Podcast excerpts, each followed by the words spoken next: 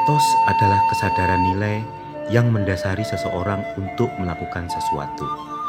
Karena merupakan kesadaran akan nilai, maka etos letaknya dalam diri manusia berupa perangkat lunak.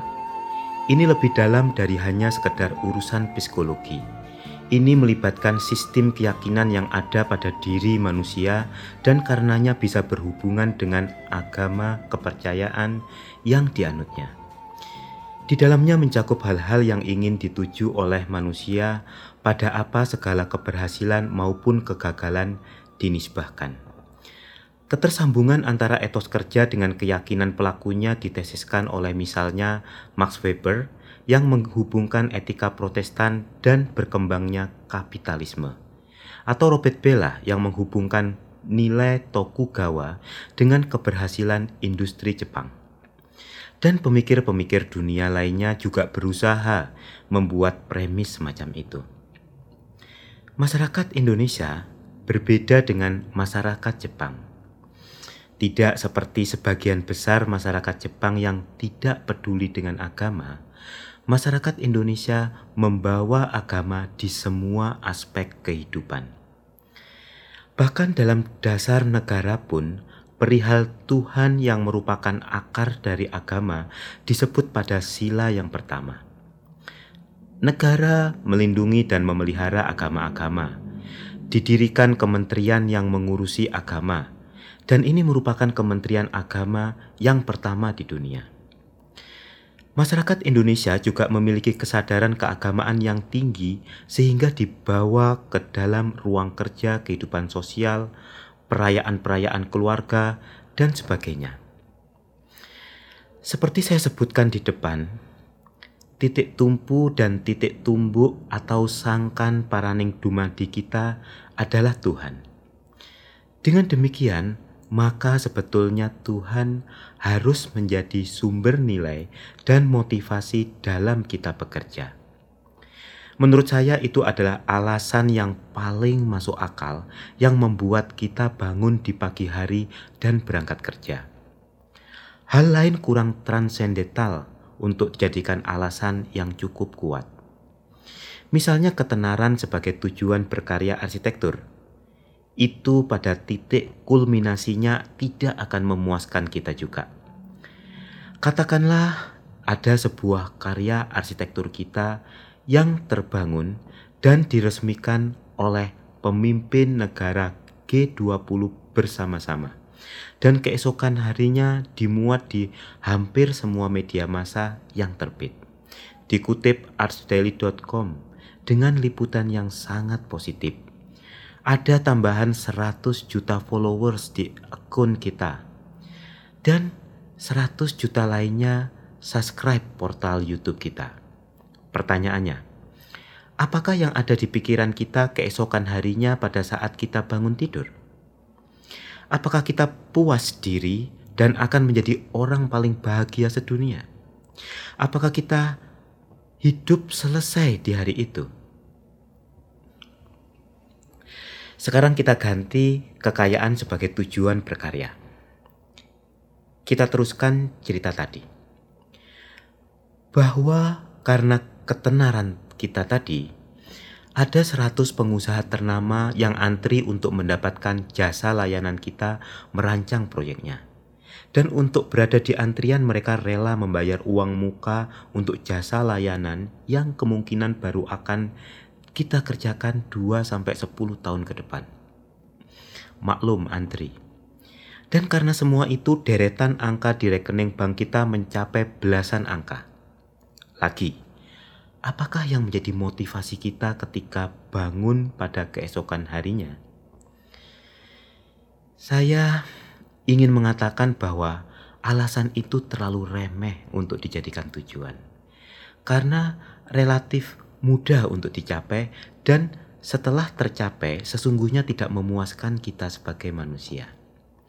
Setelah mencapainya pasti kita masih merasakan kehampaan pada diri karena itu bukan tujuan kita yang sejati. Coba kita deretkan beberapa nama arsitek yang paling ternama di dunia. Ada Frank Lloyd Wright, Louis Kahn, Zahadid, AMP, Rem Koolhaas, dan seterusnya. Pertama, mereka terkenal, ya betul, tapi sesungguhnya tidak terlalu terkenal juga. Jujur saja, bila kita bukan arsitek, kemungkinan besar kita juga asing dengan nama-nama itu. Coba uji premis ini dengan bertanya pada rekan Anda yang bukan arsitek. Jadi sebetulnya kalau tujuannya adalah tenar, menjadi arsitek bukan salah satu jalur terbaiknya. Anda sebaiknya segera ganti haluan dengan menjadi penyanyi, bintang film, atau politikus. Kedua, apabila tujuannya adalah kekayaan, Anda akan dapati bahwa di akhir hidupnya Frank Lloyd Wright dalam kondisi bangkrut. Setelah berderet kisah perselingkuhan, keluarga berantakan, dan pembunuhan di studionya. Nama berikutnya Louis Kahn. Ditemukan meninggal di toilet stasiun kereta tanpa ada yang mengenali sampai berhari-hari kemudian. Dia meninggalkan studio arsitekturnya dengan hutang lebih dari 7 miliar rupiah. Kita masih bisa menderetkan berbagai kisah lain lagi untuk mendukung argumen saya tadi. Tapi apa pun hal itu tidak bertujuan untuk tidak menaruh hormat pada arsitek-arsitek yang telah mendahului kita tersebut. Rapot orang termasuk Wright dan Kahn bukan jurisprudensi kita. Kita tidak memiliki ilmu dan pengetahuan untuk menilai beliau-beliau. Kita bahkan tidak tahu bila ternyata mereka adalah salah satu wali Tuhan di muka bumi. Siapa tahu? Termasuk manusia yang telah selesai dengan dirinya. Wawalam. Tapi jelas, menjadi manusia yang selesai dengan dirinya tidak dapat dicapai dengan ketenaran dan kekayaan belaka.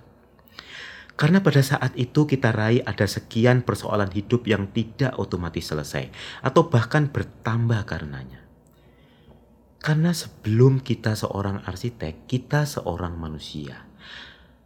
Maka penyelesaian diri kita harus secara paripurna dari sisi kemanusiaan itu. Kearsitekan kita harus membantu atau minimal tidak mengganggu misi kita sebagai manusia. Hidup kita di dunia bukanlah fragmen-fragmen yang berdiri sendiri, tapi rangkaian fragmen yang berhenti ketika kita mati. Apabila hari ini kita menyelesaikan sebuah masalah, kita perlu menyiapkan diri besok akan ada masalah baru yang akan menjadi pekerjaan rumah kita.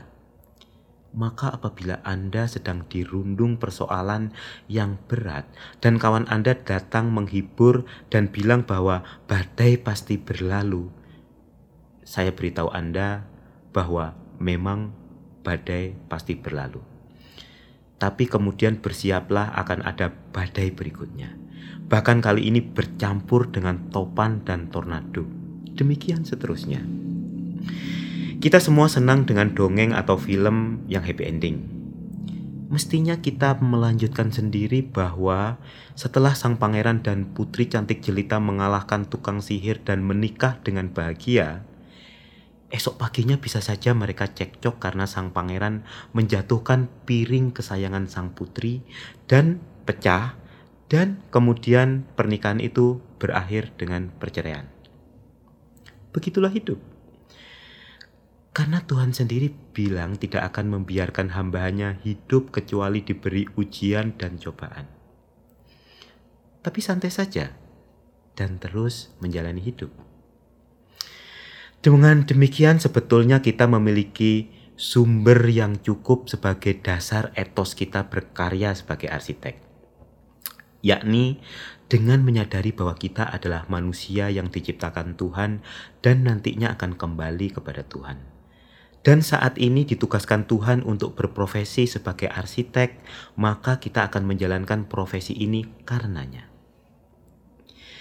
Sebagai klien utama, Tuhan tidak menuntut kita sukses, kaya, atau terkenal dengan karya yang monumental. Kita hanya diminta untuk bekerja sebaik-baiknya dengan bersungguh-sungguh. Tapi bila tidak dituntut untuk sukses, apakah dengan demikian kita tidak bekerja keras? Salah. Justru karena kita hanya dituntut berusaha keras, maka itu menjadi motivasi besar kita untuk terus berkarya.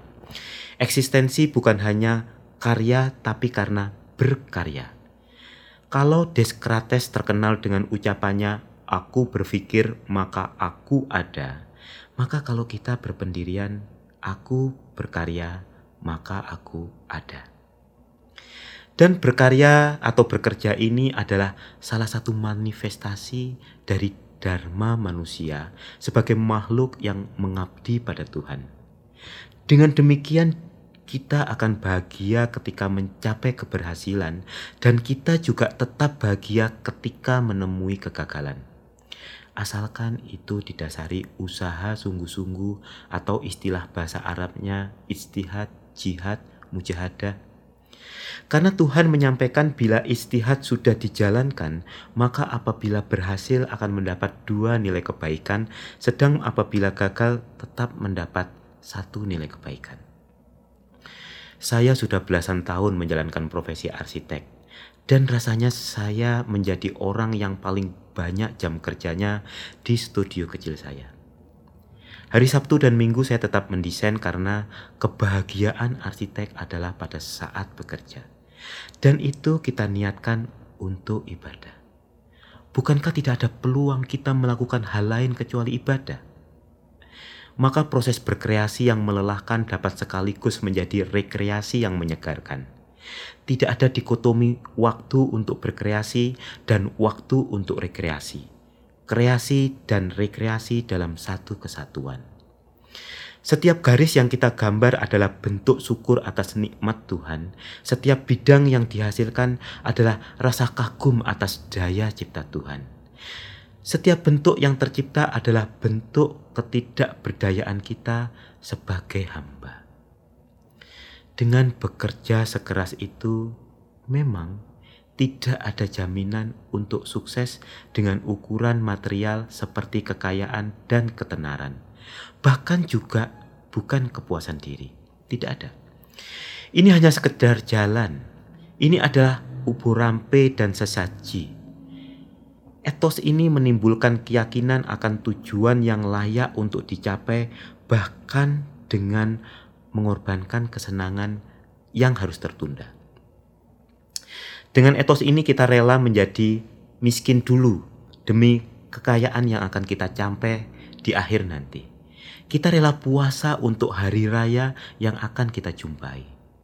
Dalam hal ini kita bisa memaknai asketisme dan zuhud versi manusia arsitek. Kekayaan dan ketenaran yang kalaupun ada sekedar efek samping dari bekerja dan berkarya. Karenanya Terus-menerus saya akan berusaha dan berkarya dengan penuh istiqomah, keteguhan dan konsistensi karena itulah sesajen saya kepada Tuhan setiap waktu. Hampir setiap hari saya keluar studio untuk pulang ke rumah lewat tengah malam, untuk kemudian pagi-pagi kembali lagi ke studio. Apakah dengan demikian saya sudah menghasilkan karya yang hebat? Sama sekali tidak. Bahkan rasanya belum ada karya saya yang layak sekedar untuk disebut saja. Tetapi berkarya dengan cara demikian akan terus saya jalani.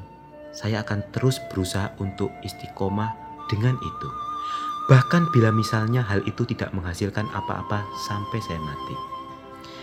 Asalkan ketika saya pulang nanti seperti yang saya bilang di paparan sebelumnya, dia tersenyum dan bergumam lirih. Hmm, lumayan. Itu sudah sangat cukup bagi saya. Cukup.